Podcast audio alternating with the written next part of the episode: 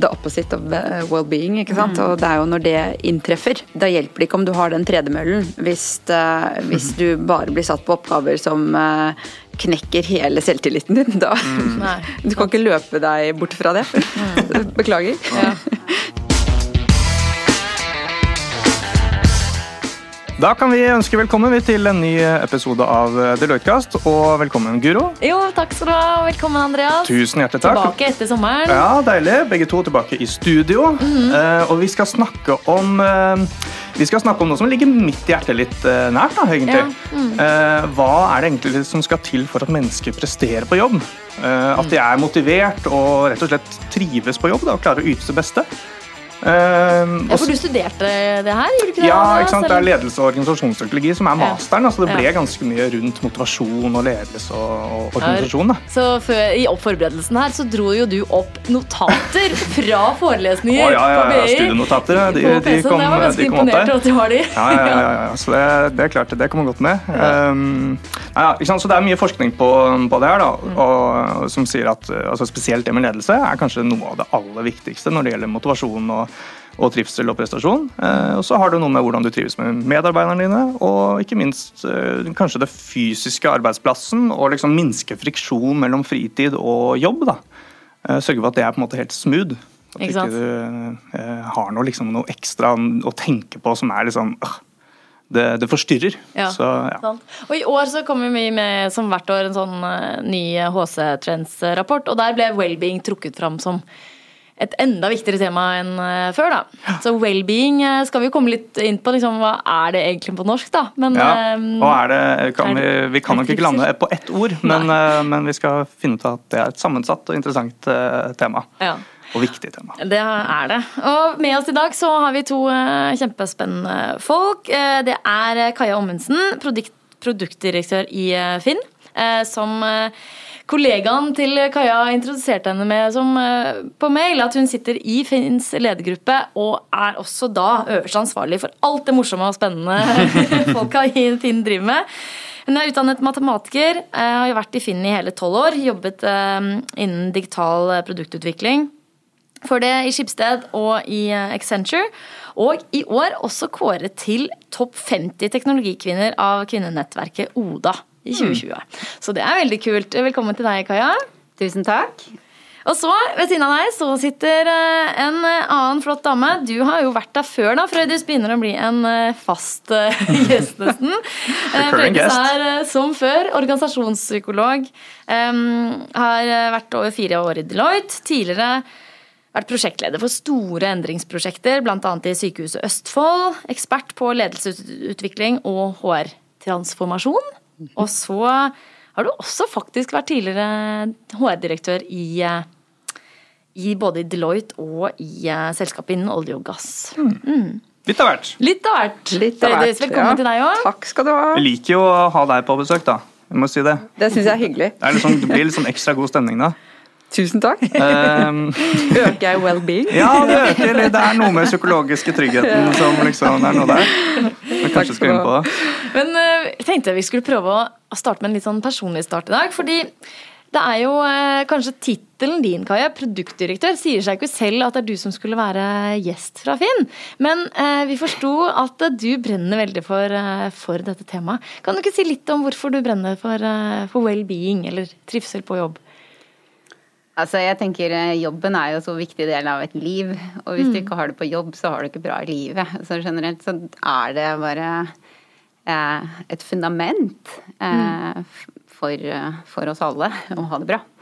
Eh, og så er det jo sånn, hvis du tenker på hva vi bringer ut til folket eh, med et produkt, så tror jeg at eh, det gjenspeiler hvordan folka våre har det. At eh, Man kan ikke skape en god produktopplevelse uten å ha det bra sjøl. Altså den, den opplevelsen man har når man lager ting, den tror jeg gjenspeiles i produktopplevelsen av det vi skaper. Kult. Ja, altså For min egen del så er jeg veldig glad i Finn eh, som eh, produkt. da. Som, jeg, lager, jeg bruker det altså så mye. Jeg bruker Finn mer enn eh, alle andre butikker. Jeg er mye mer på Finn enn jeg er på noe slags kjøpesenter eller noe. Det er litt deilig å bare gå inn på Finn og bare scrolle og se om det dukker opp noe gøy. Ja, så ser jeg bare så gjør jeg sånn barneklær, barneklær nærmest meg. Ja, ja, ja. kan jeg finne noe i nabo... Kan jeg komme og hente den nå? Ja. Men nok om det. Men eh, altså, Frøydis, um, kan vi si litt om eh, du personlig. Hva, hva tenker du på med trivsel? Eller kanskje enda bedre spørsmål er um, hvis du tenker på en leder som på en måte fikk det beste ut av deg, hva gjorde den lederen? Åh, oh, det er egentlig et ganske stort spørsmål, da. Um, eh, men hvis jeg lukker øynene mine og tenker på ledere som virkelig har gjort det, så er det ledere som egentlig har stimulert litt sånn intellektet. eh, Og, og eh, vært til stede for å, å stimulere eh, både intellektuelt, men også fjerne hinder, sånn at jeg faktisk klarer å gjennomføre oppgavene mine. Um, Det er to ting som står frem for meg. Mm. Mm. Mm. Hva legger du i å fjerne hindre, da? Ja, da er vi brått dypt inn i well-being fra mitt perspektiv, Ja. da. Men eh, det handler jo noe om at vi er eh, individer, og vi tikker og går ulikt. eh, og det er kanskje noe av det som gir veldig mye stress hvis vi skal snakke om ledelse og well-being, det er jo rett og slett at det er eh, bugs eller hinder i veien for deg til å gjøre oppgaven sånn som du ønsker, eller få den gjennomført. Og det eh, det ødelegger egentlig trivselen på hverdagen ikke sant, i arbeidssammenheng. Mm. Det, det syns jeg er interessant, fordi jeg, synes, jeg kjenner meg igjen de, de lederne jeg har på en måte kunnet hatt en åpen dialog med at uh, du, det er noe som Det plager meg litt. Og det kan være det kan være hva som helst. Det kan være regler, eller det kan være andre på prosjektet, eller det kan være kunden, eller det kan være whatever. Og så er den, den lederen da på en måte Ok, men la oss prøve å liksom Jeg skal hjelpe deg med å finne ut av det og fikse det. Jeg skal være en, kanskje en døråpner, eller jeg skal være en en som kjemper min sak, da, sånn at jeg kan prestere og ikke minst bare ha det bra. Og det er den der følelsen av at du ønsker meg faktisk vel. Det, det i seg selv er sånn ja, ja, men da skal jeg jobbe meg gå ut og trykke på litt til. Altså. Du stoler på meg, og jeg føler at jeg, at jeg kan jobben min når, når jeg er rundt den lederen. Jeg har et eksempel på det motsatte fra en leder jeg hadde tidligere som, som, eh, som var mer en sånn veldig mikromanager som på en måte, hvor man følte at man gjorde alt feil eh, rundt henne. Og, og at, eh, at alle rundt henne, når jeg ser i ettertid, da, at man liksom man blir mindre av seg selv. Så leste jeg en bok på ca. den tiden, eller litt sånn på slutten av det her, hvor jeg skjønte Den het Multipliers. Det handlet om liksom ledere som noen får folk til å blomstre, og noen får dem til å føle seg mindre. Det husker jeg liksom det gikk opp aha-opplevelse. Er det derfor jeg føler meg så dritt? liksom, Og så dårlig på jobb? Så, men det, er, det skal vel kanskje også inn på det her med trygghet og Ja. tillit. Hva er det som gjør at man kan føle seg så liten da? på jobb? Altså, jeg, noen av de mest fundamentale tingene i menneskers liv, det er jo eh, en opplevelse av kontroll og en opplevelse av forutsigbarhet. Og jeg tror at hvis du har en, en leder som er eh, ekstremt detaljstyrende, så er jo det for å, mest sannsynlig for at den personen trenger å tilfredsstille sitt eget kontrollbehov, men det gjør jo medarbeideren usikker. Eh, eh, du får jo ikke noe mestringsopplevelse da, eller noe trygghet. Eh, så jeg tror det har noe med det å gjøre. Har du noen erfaringer? Nei, jeg sitter- sitter og tenker litt. Eh, Jeg tror eh, i hvert fall i en sånn én-til-én-lederperspektiv, så vil jeg si at eh, det med tillit er sånn helt avgjørende. Eh, Og jeg kan uh, jeg liksom husker når jeg fikk denne jobben, og liksom det var en stor jobb og et stort ansvar, og, og, og liksom kjente på Hvis jeg ikke hadde den følelsen av at uh, man har ordentlig tillit, så eh, kjenner jeg i hvert fall at det Da står jeg og gynger lite grann, og da er det veldig, veldig vanskelig å prestere. Det er litt sånn rart, det blir nesten sånn selvoppfyllende profeti hvis du føler at noen på en måte er litt ute i det. At Nettopp. du er redd for å gjøre feil, så gjør du feil. Liksom. Så jeg tror i hvert fall liksom, det å i hvert fall eh, gjøre det du kan som leder for å fortjene tillit, eh, og, og, og skape tillit, er helt avgjørende. Det er et sånn fundament og trygghet da, for eh, at alle kjenner seg trygge på at de har lederen sin i ryggen. Mm. Har, man,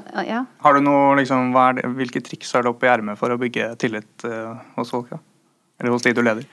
Altså, uh, triks uh, Vi skal vel ikke bruke ordet triks, da. Det var litt manipulerende, kanskje. Men liksom, hva, hva? Tillit er jo noe du må gjøre deg fortjent til. Altså, du må på en måte mm. vise at du stoler på folk, og gi ansvar. Og også akseptere når det går gærent. Og det er noe vi jobber veldig mye med. Altså, en av mm. verdiene våre er takhøyde. Og, og, det å feile, at det er trygt å feile. Eh, og at du selv om at du feiler, at du ikke føler at det, du får skylda for noe, men at mm. det er greit at du gjør ditt beste. Men, og at man lærer av feilene. Så det, det, det tror jeg eh, har dere liksom noe sånn, Man hører om noen bedrifter som har sånn ritualer hvor man tar opp eh, liksom, denne månedens feil som ja, vi lærte noe av. Ja, ja, sånt, vi snakker liksom? feiltastisk og, feiltastisk, ja, og, og liksom og, og, jobber med og, årets læring, ikke sant. Oh, ja. Eh, hvor man trekker for, fram Hva kunne ting. det vært, f.eks.? Nei, det, det er f.eks. Eh, du Vi vi starter en satsing, småjobber da f.eks., som mm. vi var kjempe stolte av en lang tid, men så gikk det ikke sånn som vi hadde trodd. Og mm. så la vi det ned, mm. og at vi da eh, hyller det teamet som har jobba der med den jobben, og, og, som legger det ned på en så fin måte, og som viser alt de har lært. Mm. Altså vi gjør feil hele tiden, men at vi sørger for at vi lærer av det, og at vi eh, deler de læringene. Mm. Og det er for å kunne gjøre det, så må man tørre å være sårbar. Man må tørre å si ifra når ting går gærent. Man må tørre å, å si ting som det er. Og mm. da er det et sånt fundament av tillit. Mm. Jeg tenker hele den historien du forteller der, den uh, forklarer egentlig hvorfor jeg elsker den smidige tilnærmingen. Altså, mm. Agile er jo kanskje et ord som er brukt opp, mm. men altså, det er så mange komponenter i, i tjenestedesign og smidig tilnærming som uh, når det smitter over på ledelse og rett og slett også inn i hvordan man Menneskelighet, liksom. Ja, men også mm. strukturelt jobber med det. altså tenk at man, har, man feirer feil. Eh, og det er en del av styringssystemet. da. Mm. Det, for kultur er noe veldig strukturelt. Det er ikke bare noe som popper opp, det er noe du bygger. Du bygger en tillitskultur. Veldig, og når du da gjør det, så tenker jeg jeg kjenner jeg blir nesten varm om hjertet. for det er altså så viktig. Eh, og samtidig så tror jeg noe av det det er egentlig ikke så rart for meg at uh, du sitter her og snakker om, om well-being, fordi jeg tenker det med å kunne feire feil, altså alle disse tingene som ligger i funda det fundamentale med å ta brukeren, brukerens perspektiv. Mm. Hvis du overfører det på medarbeideren, da, mm. da begynner vi å snakke well-being. Mm. Og begynner å skjønne at alle vi som sitter her, vi som jeg sa i stad, tikker og går ulikt. Og da betyr det at du må stille spørsmål, du må se medarbeideren, du bør forstå at det som eh, fortviler meg, er noe annet enn det som ja. fortviler Andreas. ikke sant? Og hva gjør du da? Du spør. Ja, og det er jeg så enig. Altså liksom sånn, hvis vi har dette fundamentet av tillit på plass, så tror jeg vi alle motiveres av ulike ting. Ja. Og på seg sjøl kjenner du ingen, så det å bare faktisk eh, være veldig nysgjerrig på hva er det som motiverer deg. Mm, ikke sant? Og mm. det kan være Noen blir motivert av mål, eh, andre blir motivert av å gjøre noe sammen. Eh, noen blir, mm. noen blir motivert av å redde verden. Blir, eh, så vi må bare skjønne hva som motiverer folka våre. Mm. Og så trykke litt på forskjellige knapper, for ja. vi er ikke like. Mm. Det, hvis vi skal inn på det, da, for da snakker du om generell motivasjon og kanskje også tilknytning til organisasjonen og litt sånn ekstra Man snakker om i forskningen om organizational citizenship behavior. At du har en sånn, sånn form for Du føler et ansvar, et borgerlig ansvar, mm. for å mm. gjøre noe ekstra for mm. organisasjonen. Så det er alle de mm. tingene du gjør utover det som ja. egentlig er oppgavene dine. Ja. Og det høres ut som ved å snakke om de tingene, kanskje spesielt som toppleder, da, mm. om alt det Ok, vi, vi, gjør noe for samfunnet, men vi gjør også noe som, hvor du får uh, ja. intellektuelt tilfredsstilt deg. Mm. Uh, og vi sørger for at du trives personlig. Ja. Du må spille på alle disse knappene. Ja, og det, det har vi også snakket litt om. Altså, hvordan sant, eh, vi skal få med oss Og vi bruker jo strategien vår, egentlig, for å prøve å trykke litt på ulike knapper. Da. Sant, vi går på jobb for å hjelpe folk med å ta smarte valg for seg og samfunnet. Det er veldig, ikke sant? Og vi ønsker mm. å ta et samfunnsansvar. Og så ønsker vi å få til vekst, ikke sant. At vi Dere er jo for profit. Ja, ja og, men ikke sant? med vekst så kan du ansette flere, og du kan skape enda bedre ja. opplevelser. Og det er mange måter å snakke rundt det på mm, som mm, det eh, trigger selgere, men også som trigger de som jobber med brukeropplevelse. Mm. eller og så hva slags type teknologi vi skal bruke som trygge teknologer. Altså, så, så, vi skal bruke den nyeste, feteste teknologien? Ja, liksom. for eksempel. Vi skal mm. til skyen, da, som ja. vi driver med nå. Som er, det er et spennende løft, og det er masse muligheter ute i skyen. Mm. Det, det er, så, så, det å i hvert fall være bevisst på eh, hvor viktig det er å få med seg folka, eh, mm. og at eh, de er forskjellige. Mm. Ja. Jeg tror det er viktig, hvis jeg forstår deg riktig, noe av det du var inne på, at um, man kan snakke om uh, gevinst, altså profit, uh, i samme uh, åndedrag som man snakker om, om well-being. Og det er kanskje noe av det som er spennende i den, noe av det innsikten vi har gjennom Human Capital Trend-rapporten. Kanskje tidligere har man tenkt på well-being som mer og Vi har noen trivselsprogram, du kan uh, få et medlemskap på et eller annet treningssenter, og du får uh, rabatt på briller etc. Og det er fint. Og er, alle disse tingene er fint, men det er også betimelig å stille deg det spørsmålet har det effekt på bunnlinjen. Altså Har det en effekt på hvordan jeg som medarbeider eh, er produktiv, opplever, eh, opplever, effektivitet og når mitt potensial? Og Det er den type well-being som er virkelig relevant, og som man mm. nå begynner å forstå at det er der vi må begynne å, å se på ting. Ja. Og da er veien fort til ledelse. Mm. Absolutt. Wellbeing fikk vi kanskje ikke helt liksom, definert ja. på starten, Freddy. Så hvis ja. du kunne sagt litt om hvordan du ville Hva ville du legge i det begrepet? Ja, det enkleste svaret er at det er ikke noe enkelt svar på det. Eh, men man, eh, man kobler jo well-being inn i i begrepet om helse og det å ha god helse. Eh, og det er ikke så langt tilbake vi skal før man puttet well-being det, altså det å, Helse er ikke bare det å ha fravær av en sykdom eller en lidelse, men det er også at du har well-being eller har det godt. Mm. Mentalt, mm. sosial, eh, mm. sosialt etc. Mm. Ja. og i rapporten står det til og med også finansielt. Finansielt. ja. ja. for det, det er liksom én måte å tenke det ut ifra et helseperspektiv. Og så er det jo det at well-being det er jo både en sånn objektiv eh, bit, altså har du en trygg jobb, hva er levestandarden din, eh, hvor bor du hen i verden, eh, alle disse tingene, er du utdannet, det er en bit av det, det er ganske objektivt. Og så er det den subjektive som har mer med hva skal man si, det har mer med livskvalitet. da. Ja. Og den er veldig subjektiv. ikke sant? For hva som gir meg livskvalitet, er noe annet enn hva som gir en annen mm. høy livskvalitet. Mm. Men faktum er jo at eh, vi som eh, mennesker, særlig i den, eh, den delen av verden vi lever i, vi, vi stiller hele tiden høyere krav til livskvalitet. Mm. Og da er det jo igjen noe som arbeidsgiver må forholde seg til.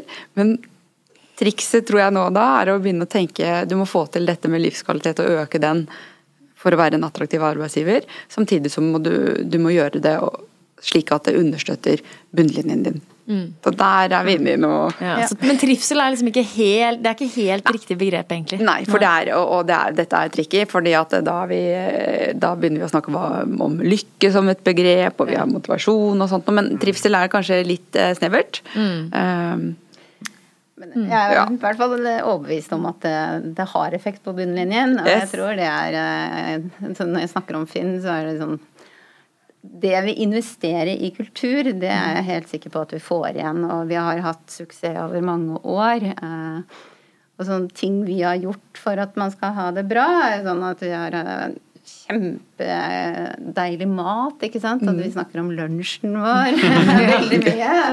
Stolte av lunsjen? Ja, virkelig. Mm. jeg er liksom, Nå er det lenge siden jeg har vært på kontoret, men jeg, det savner jeg virkelig. liksom Å bare se den maten liksom som vi får. Det er et sånt bevisst valg at det skal være godt å spise.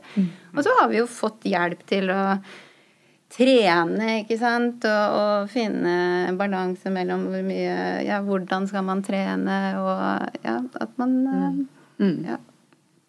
Så det går særlig inn på det fysiske, men det spiller jo inn på det psykiske. Det går liksom begge veier. Jeg, sammen. jeg lurte på det du sa om um, at liksom man, kanskje man krever mer, uh, mer og mer. uh, og noen ganger så trekker man det kanskje til millennials, at de kommer inn i arbeidslivet og snart i, eller i lederstillinger allerede. Uh, men det er kanskje noe med utviklingen av samfunnet også i seg selv. Men hvordan har du sett det de siste eh, hva var det, tolv årene i Finn? Har det liksom endret seg, det, den forventningen om hvordan, Ja, hva arbeidsplassen skal være? Jeg tror nok det er riktig som du sier, at den liksom kommende generasjonen eh, er eh, Ja, de er eh, sugne på livet og vil ha det beste ut av det. Og de, sant, eh, både for egen utvikling, at man kan lære mye, og også at eh, hva jobben har å tilby eh, ja, for å ha det bra. Og også spesielt dette her med å, gjøre noe samfunnsnyttig, og det å ha en purpose, og det å ha en mening med det du gjør. At, eh, at du byr på noe som er større enn bare bunnlinje, da. Som også er viktig. Jeg er tilbøyelig til å tenke at jeg tror um, millennials har brakt temaet inn, og det at de ikke er redd for å si at dette er viktig for meg, og purpose, ikke sant? hva er min mening, og hva er viktig for meg, eller hva jeg har lyst til å oppnå. De har kanskje vært med på å tematisere det veldig, men jeg kjenner som voksen arbeidstaker, da, nettopp vippet 45, at, at disse tingene er også kjempeviktige for, for eh, erfarne også. Ikke sant? Sånn som du snakker om tillit, eh, brudd på tillit. Det er tøft, like tøft å stå i om du er 45 eh, som du er eh, 30 eller 25. Eh, men jeg tror de har brakt temaet inn, men jeg tror også at eh, organisasjoner eh, bør kikke på seniorressursene sine, som kanskje står i et vel så stort sprang kompetansemessig, Ja. trygghet, ja, mestring etc. At man må ikke glippe der, og jeg syns at jeg hører mer diskusjon rundt hva de yngre generasjonene ønsker seg, har behov for, eh, kanskje krever, eh, og det er bra. Eh, Men man glipper litt på det med å tenke å være attraktiv også for de andre generasjonene. For der ligger det mye know-how som du må kombinere med den kompetansen som kommer fra det som kommer inn nå, da. Så ja, det, jeg kjente at nå slo jeg et slag for min egen Ja, ja. generasjon her. Jeg er veldig glad for at du har på oss. Ja, eller, vi, kan jo ikke, vi kan jo ikke slutte nå. Nei, jeg tenker at det er 20 år å jobbe Ja. til. Jeg bare jobbet- Himmel og hav. Men jeg synes det, det er kjempeinteressant, fordi jeg har alltid på en måte slitt litt med skal jeg være helt ærlig, om all, all på en måte, forskning eller undersøkelse på millennials. Ja. Fordi liksom, Hvordan vet vi at det ikke bare er livsfasen de menneskene er i, som gjør at de svarer som de gjør? At uh, autonomi eksempel, er viktig for meg, og ja, det er mye viktigere enn det var før. Men kanskje det heller er det at de faktisk er ikke redd for å si det. Ja. Og de er ikke redd for å slutte. Uh, og de er vokst opp med at du er, eh, liksom, du er flink, så Ja. du fortjener Du bedre. unik, du og rettferdighet beste, liksom. i verden, ikke sant? Ja. Ja, men det er en, det er en sånn fuck it-holdning Ja. som eh, jeg tror de eh, kanskje har vært flinkere til å få ut. Men Ja. eh, jeg, må jo, jeg har sånn sjøl, at jeg, nei, det er liksom det som virkelig er viktig, det er også liksom bare være seg sjæl og gønne på og tørre det. Og, det, og for å kunne tørre det, så, så må man kjenne seg trygg igjen. Ja. Men, eh, Så vi eldre har kanskje vært litt mer redde. Ja. ja. Og ikke minst så trenger man da ha en i ryggen som Ja. sier at det er greit å være At du er som du er. ja. Eh, og vi er godt fornøyd med hva du Ja. bringer eh, til bords. Det trenger man da. Absolutt. Så vi har jo vært eh, liksom, inne på det hele veien her, at vi har snakket om at tillit er viktig for well-being. Er det andre faktorer som på en måte teorien sier, eh, Frøydis, at eh, være på plass? Ja, eh, det er eh, som sagt så er det jo Eller jo som ikke bør være på plass. for så vidt òg. Som man må fjerne. ja, eh, Nei, altså Hindre, ja. Det er jo igjen så tilbake til det at det er sammensatt. ikke sant? Du har jo du har det fysiske elementet. Så det klart det påvirker hvordan en arbeidsplass er.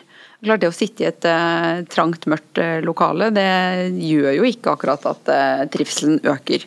Så det er én ting. Men det er det som kanskje man jobbet mye med. Og så har du jo litt det emosjonelle og psykologiske knyttet til well-being, og da er vi inne på det som du har nevnt eh, da, med, med tillit sant, og trygghet og sånne ting. Og så har du sosiale ting. Så for mange så er det viktig det å ha team.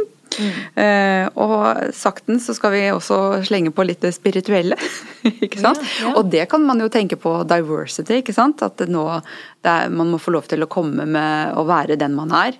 Elske den man vil, tro på det man vil. Så det er et, eh, en komponent. Eh, jeg nevnte for meg det med mm, intellektuelle utfordringer, eller at ikke du blir stuck i kanskje arbeidsoppgaver som ikke passer eh, din hjernes måte å jobbe på, eller eh, prosessere ting. ikke sant? Eh, Noen liker repeterende oppgaver, noen liker eh, å knekke nøtter. Det er viktig. Og, og så til slutt så kan vi jo bare eh, kaste på da økonomisk perspektiv også, for det er jo også en eh, bit av det.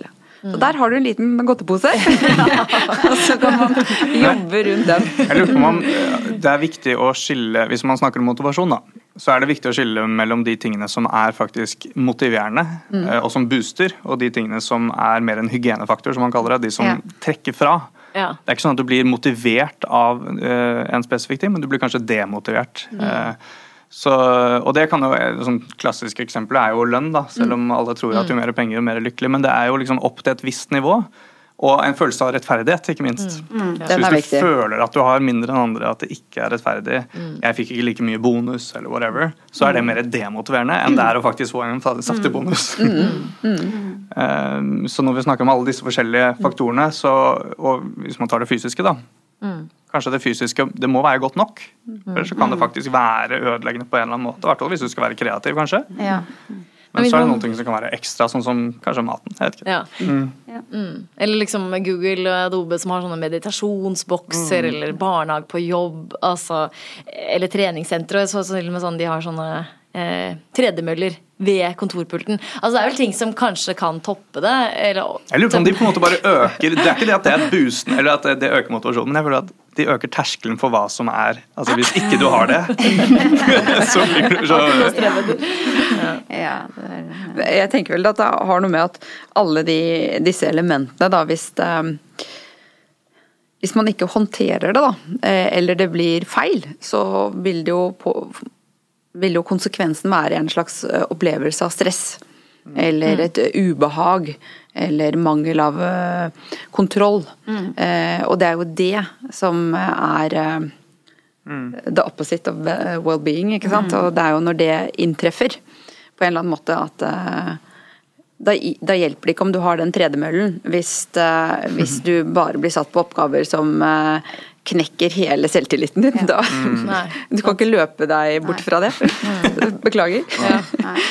Nei, jeg tror du kan ha veldig fine kontorer og tredemøller og allikevel ha en uh, arbeidsgjeng som ikke har det bra. Hvis kulturen, eh, hvis ledelsen, hvis det ikke er på plass, så hjelper det ikke. Men, men det sagt, å ha lokaler som man blir glad av. Eh, vi driver og pusser opp nå. Jeg har akkurat fått sett eh, hvordan det ser ut. Ja, Benytter anledningen når ja, det er tomt. Ja. Jeg Det har vært fine lokaler hele tiden, men, Ja.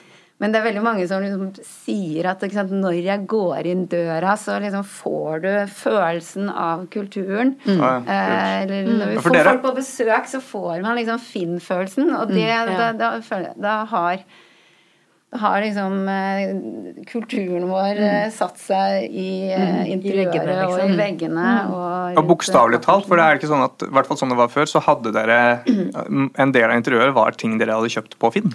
Ja, vi har masse av liksom, ja, Der er det litt heldigere som har liksom en sånn kulturbærende kilde til intervjuet. Ja. ja, men eh, vi er jo ikke sant? Jeg, jeg jobber med produkt- og brukeropplevelse og liksom design der. eh, Men også med ikke sant, merkevaren. At det, det gjennomsyrer sånn du kjenner igjen designelementene i kontorene og Finn-følelsen, da. Ja. Og da må vi bruke brukte ting, for liksom Finn er jo Så vi skal ikke slutte med det helt ennå. Nei, vi skal ikke slutte med det. Nå er vi jo nesten sånn inne på noe av eh, starten på arbeidspsykologien, ikke sant. At eh, man gjorde studier eh, tilbake sant, på bilfabrikker og andre, og så hvordan, gjør, hvordan påvirker lyssetting effektiviteten til medarbeiderne. Og så så man at det hadde faktisk en sammenheng når man gjorde noen elementer og, eller endringer på ting i, i på arbeidsstedet, så hadde det faktisk en effekt. Da. Og det er kanskje spiren til det å i hele tatt være opptatt av hvordan eh, menneskers opplevelse av en arbeidsplass og arbeidssituasjon eh, faktisk påvirker mm. produktivitet, og om man vil være der i det hele tatt. Det som var ekstra interessant med de studiene, var jo det at det var ikke sånn, i hvert fall det ene studiet jeg tenker på, så uansett hva de gjorde, så, ble, så fikk det en øk, økt produktivitet. Ja, um... Uansett hvordan de endret lyset eller det fysiske, så ble det bedre. så endringen i seg sjøl var viktig. Ikke sant? De, det var noen som brydde seg. Interessant. Det var noen som brydde seg. Noen som prøvde å gjøre det bedre for dem. Ja. Ja, så var det som var uh... Det er jo helt fantastisk å tenke på. Det er, eh, ok, Du kan fikse lokalet og alt det der greiene der så mye du vil, men det er i seg selv at noen, eller følelsen av å, å bli sett og bli liksom, noen prøver å gjøre det bedre for meg. Jeg kan dele en litt sånn personlig eh, erfaring der. For, eh, dere spurte jo helt i starten har du en leder eller eh, eksempler på ledelse som virkelig har gitt deg well-being. Og en av de kanskje viktigste leder, eller mentorene jeg har hatt, det var helt, helt i starten av karrieren min. Da var jeg i internship i da Aker Maritime. Og da kan jeg huske jeg kom på jobb på, på morgenkvisten, og så hadde da vedkommende leder, og han hadde da samlet artikler fra Financial Times, gjerne sånn som hadde med kvinnelige ledere etc. Og så hadde han lagt det i en konvolutt. Og så hadde han puttet de, bare stakk de under døren, for det var jo låst på døren på det tidspunktet. Så når jeg kom inn, så lå det da en konvolutt med masse artikler, og så bare en liten sånn notis. Les gjennom dette her, og kom inn på kontoret og gi meg dine refleksjoner. Oi. Og altså, det snakk om å føle seg sett, da. At noen personlig tok et ansvar for, for min utvikling innenfor liksom, faget mitt og som leder og som kvinne og sånt, det var altså så storvei. Og jeg har tenkt på det så mange ganger. Så kult. For meg så var det well-being. Det, det, det var en ting du nevnte i stad, nemlig stress. Ja. Eh, så Vi kan ta den litt negative spinnen på det også. for det, eh, det er jo, altså Forskningen eh, vår også, altså i Human Capital Trends, sier jo at eh, ja, så godt som alle føler jo stress. Ja, 94 ja, 90, ikke sant, så alle føler stress på jobb, men det er greit nok. Men en, tre, en tredjedel har faktisk et usunt nivå med stress. da. Ja, og at halvparten faktisk At det går utover søvnen deres òg, tenker jeg også er ganske alvorlig. Da. Halvparten opplever søvntap i løpet av uka pga. stress. Um, hva er det ledere kan gjøre for å på en måte, håndtere et usunt nivå med stress hos eh, de man leder?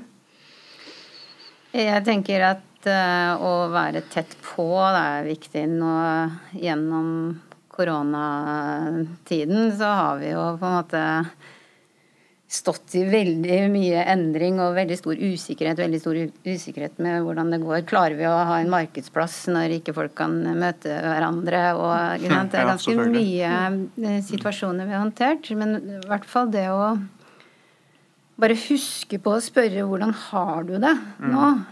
Hvordan er det for deg nå å være der du er? Og Bare åpne opp mange ganger på hvordan det går. Og, og, ja, bare følge opp veldig tett. Da, Må det være én til én, eller gjør du også ja, det i jeg grupper? tenker, der har vi, ikke sant, eh, vi har sånn jevnt over ca. hvert fall én-til-én-samtale med alle annenhver uke. Så det er Mm. Ja, setter det er av tid. Så det er ganske mye, ikke sant. Eh, Men å, å sørge for å ja, Som du sier, bli sett. En ting jeg eh, føler ikke jeg har vært flink nok til, men som jeg vet eh, mange andre har vært veldig flinke til, er å kjøre, sykle til medarbeidere nå da, når vi er hjemme, ikke sant, og høre, gå tur. eh, Mm. ja. og det er sant, det der med å være ivaretagende. Og så er det og kanskje også skape en sånn tydelighet og trygghet. På at det, det går bra. For hvordan vi liksom skal komme ut av dette her. Ja, på en, at det er en plan, og at det er, Ja. dette her kommer til å bli fint. Og Ja, det ordner seg, og kanskje løfte Ja. litt av byrden da, hvis det er stress. Vi står sammen om dette. skulle vi står sammen om det. Det ja, syns jeg er veldig klart uforutsigbarhet og liksom usikkerhet i seg selv. Ja. Det er noe av det verste. Ja, at man føler seg jeg for alene i en er utfordring. inne på det derre- fordi det, jeg har mange som har veldig stort ansvar, som leder team, eller som leder en markedsplass, ikke sant, og resultatene der, og hvordan går det. Og det, å, liksom, det kan kjennes ganske tyngende, og særlig hvis resultatene Det er gøy når det går bra, men hvis ikke resultatene er så bra. Men det å, å huske på å si at eh, vi står sammen Om, eh, om det går bra eller dårlig. Mm. det, du er ikke aleine om det ansvaret. Det er også For det blir jo en balanse, ja, men det å gi ansvar og at man sånn, Det er motiverende at man føler ansvaret selv, og er autonom, Ja. men samtidig at man Og kanskje det er noen mennesketyper da som trenger det mer, å vite at man står sammen, mens andre kanskje Ja, og så tror jeg det er litt sånn Du skal få ansvar for å liksom løse oppgaven. og sant, Du får et tydelig mål, og man har noen tydelige forventninger, og så får du frihet under ansvar, på en måte. Men det er særlig når det ikke går så bra, at eh, man kan trekke fram den uh, 'Dette står vi sammen om'. Du Ja. er ikke aleine her. Nå, da begynner du å tenke oi, vi ble jo faktisk enige om at jeg skulle levere dette. Eller Ja. det var sånn det egentlig skulle gå. Ja. Så ser jeg at Ja. det kommer ikke til å gå, liksom. Frøydis, har du noe å legge til på det med hvordan ledere kan hjelpe til å unngå, unngå stress hos ansatte? Ja, altså jeg tenker det du peker på her er I, i en krisesituasjon så er det eh, enklere å få en sånn eh, vi står sammen-følelse. Altså det er noe av- når mennesker opplever en felles krise, sånn som man gjør i et samfunn nå. Det er en, en, en, en egentlig en litt sånn bestemt situasjon. Den er spesiell. Eh, og jeg tenker at det er jo fantastisk å se at en krise kan bevege en verden på så mange måter. Både hva gjelder digitalisering, men hva gjelder å ha fokus på å se medarbeideren. For plutselig er hele the table da turn, ikke sant. Altså man sitter hjemme. Alt er endret. Eh, Så det blir nye måter å tenke på hvordan må jeg passe på medarbeiderne mine. Det er flott.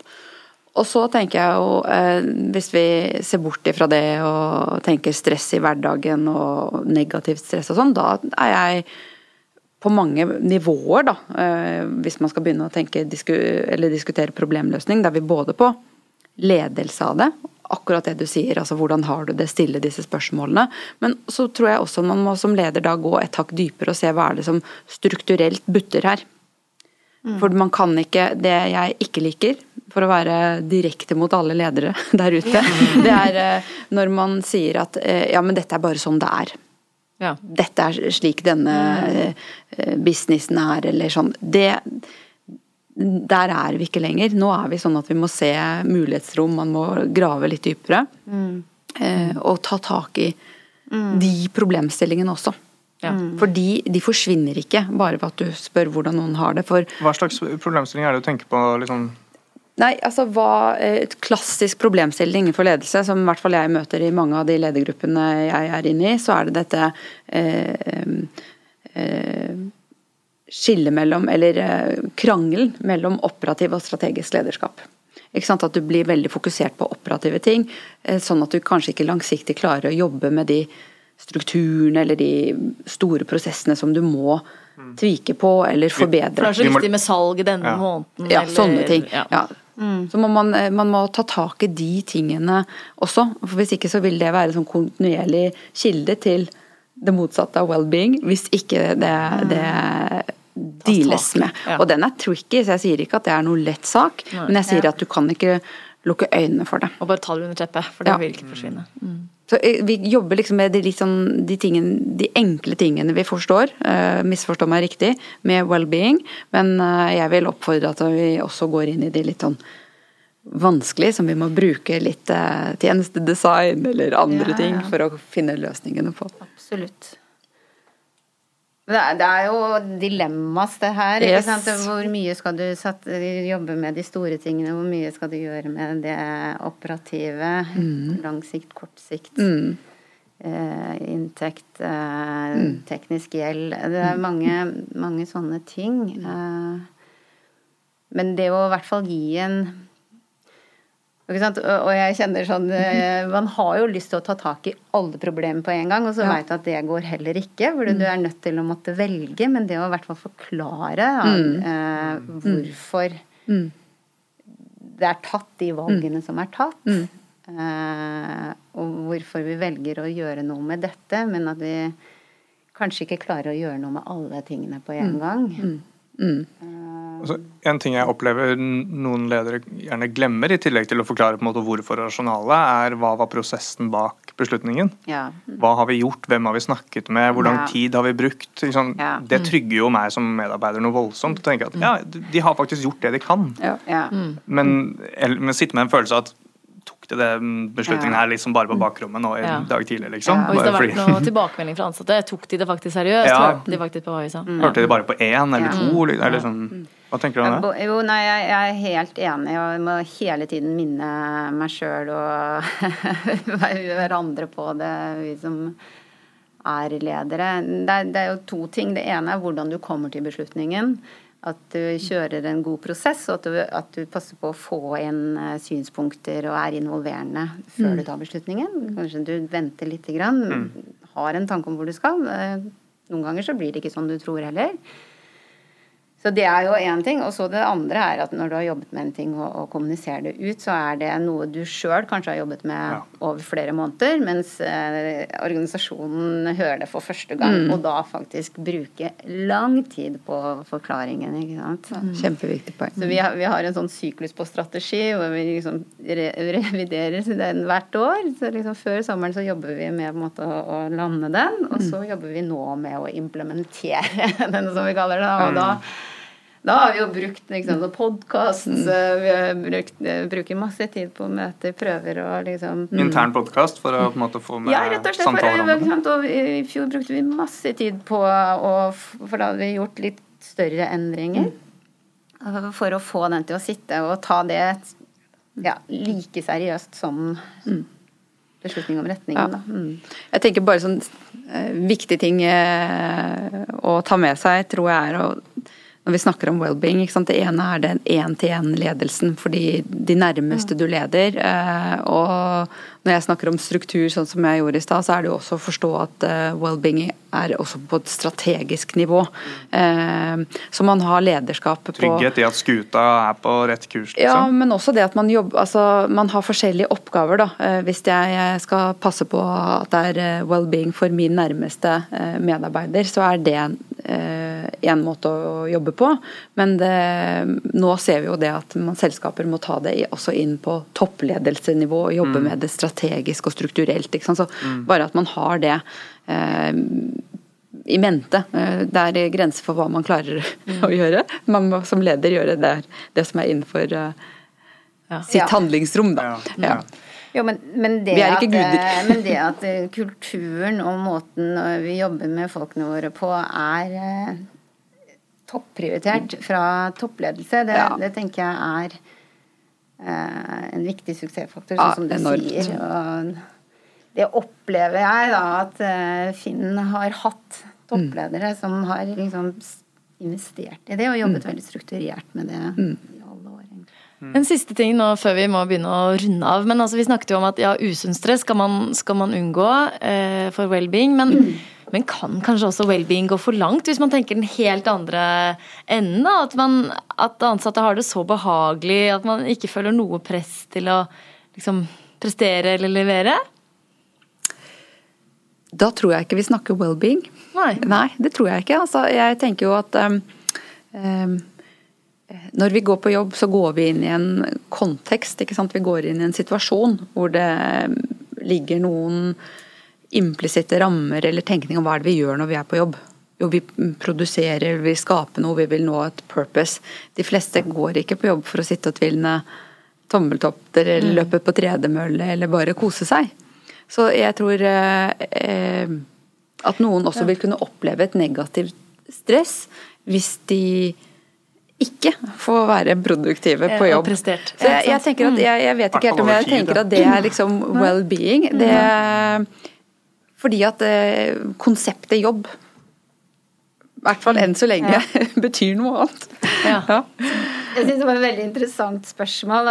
Vi gjør jo, ikke sant? Fordi vi investerer så mye i det, så har vi masse arrangementer og mange det er veldig mye som skjer, og noen ganger så spør barna mine har du egentlig en jobb, eller er det bare gøy hele tiden? Det høres ut som du bare har det liksom. Bare fest, liksom. Og, det, og det er klart at eh, jeg tror at det liksom i sum er kjempepositivt, men det er jo noen som kjenner på at de heller ville ha fått gjort mm. dette som var kjempeviktig Skal vi bruke tid på denne samlingen nå, liksom? På denne samlingen, eller skal vi mm. sitte og bare fjase, eller skal vi få gjort noe? Så, mm.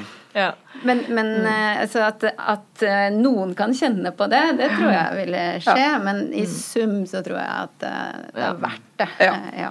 Men sånn jeg tolker det er i hvert fall at Hvis du har det sånn så liksom, behagelig gåsetegn, da, at du ikke vil prestere, så er det egentlig Da er det ikke well-being. fordi hvis du har det bra, så skal du også En del av det skal være at man presterer sitt beste. Ja, en del av det er motivasjon, og som jeg nevnte, ja. også tilknytning til organisasjonen og ønske om å mm. gjøre det lille ekstra, noe mer, og på en måte bringe mm. skuta videre. Ja. Mm. Det er jo som Kaja innledet med, at eh, arbeidsplassen og jobben din er en utrolig viktig del av livet. Eh, så man, gjerne, man, vil jo gjerne gjøre noe der som er eh, meningsfullt. Og så tror jeg man trenger eh, forskjellighet. Altså man trenger å kanskje bli litt sliten på jobb da, for å kunne virkelig føle well-being. Eller noe annet når du går den, for min del, den turen i skogen med hunden. Eller, altså det må være en, Det kan ikke bare være Det må være kontraster. Ja. Sant. Ja, ja, men det er deilig avslutning ja, på en fin avslutning. veldig fin episode. Og veldig interessant og spennende å snakke med dere ta med meg noen eh, begrep fra Finn her på feil taktisk. Ja, den må noteres. Ja, og årets læring. Vi har jo snakket, eh, da snakket vi jo litt om det å tillit, men også tillit, eller det å kunne feile. snakket vi litt om. Men eh, tillit ja. har vi jo snakket en del om, Andreas. Well-being, om man ikke, ha, ikke opplever stress. Andre ting du tar med deg? Nei, jeg vet ikke. Jeg tar med bare litt sånn deilig visdom, tror jeg, fra erfarne ledere her. Jeg vet ikke om jeg klarer å liksom sette fingeren på noe helt spesifikt. annet enn at det er, det er, Jeg tror det er ganske viktig å reflektere over disse tingene. Mm. Det er vel det jeg kanskje tar mest med meg. at Det er mye av det som eh, kanskje oppfattet hvert fall, som, Jeg tenker tilbake på studiene og folk som eh, hadde psykologitemaer sånn, som kanskje studerte økonomi. da, ah, Dette er jo helt selvsagt. Alle skjønner det her. Men alle skjønner det når du hører det. Mm. Men det er det å være bevisst på det og på en måte mm. trene seg å ja. holde det liksom Eh, for, foran i panna. Liksom. Ja. uh, så det, det, takker jeg for at dere har nå gjort for mm. alle våre lyttere. Så ja. det var veldig, veldig bra. Og før, mens vi forberedte oss, og før det, så tenk, hadde jeg liksom tenkt at denne episoden kom til å handle om uh, det fysiske. type sånn, ja, ikke sant? Google-kontorene, hva for noe kult dere har hos Finn, og hvordan man, hvor viktig det er med lys og planter og sånn. Men kanskje det er mm. mer hygienefaktorer, og vi har jo egentlig snakket veldig mye, eller snakket mest om ledelse i dag. Mm. Så Velg dere en viktig ledere, leder, eh, lyttere. Det er ja. Har ikke det vært deilig om man bare kunne plukke deg som leder? Det. Ja, ja, ja, kanskje en dag. Nei, men jeg tror vi takker for i dag. Og så sier vi takk til våre gjester, og takk til våre lyttere og eh, seere. Og eh, vi er tilbake om to uker, neste torsdag. Og det er bare å dure videre med mailer til podcast at deloitte.no for eh, alle dine spørsmål og tanker. Mm. Og forslag til temaer. Supert. Vi høres! Vi høres.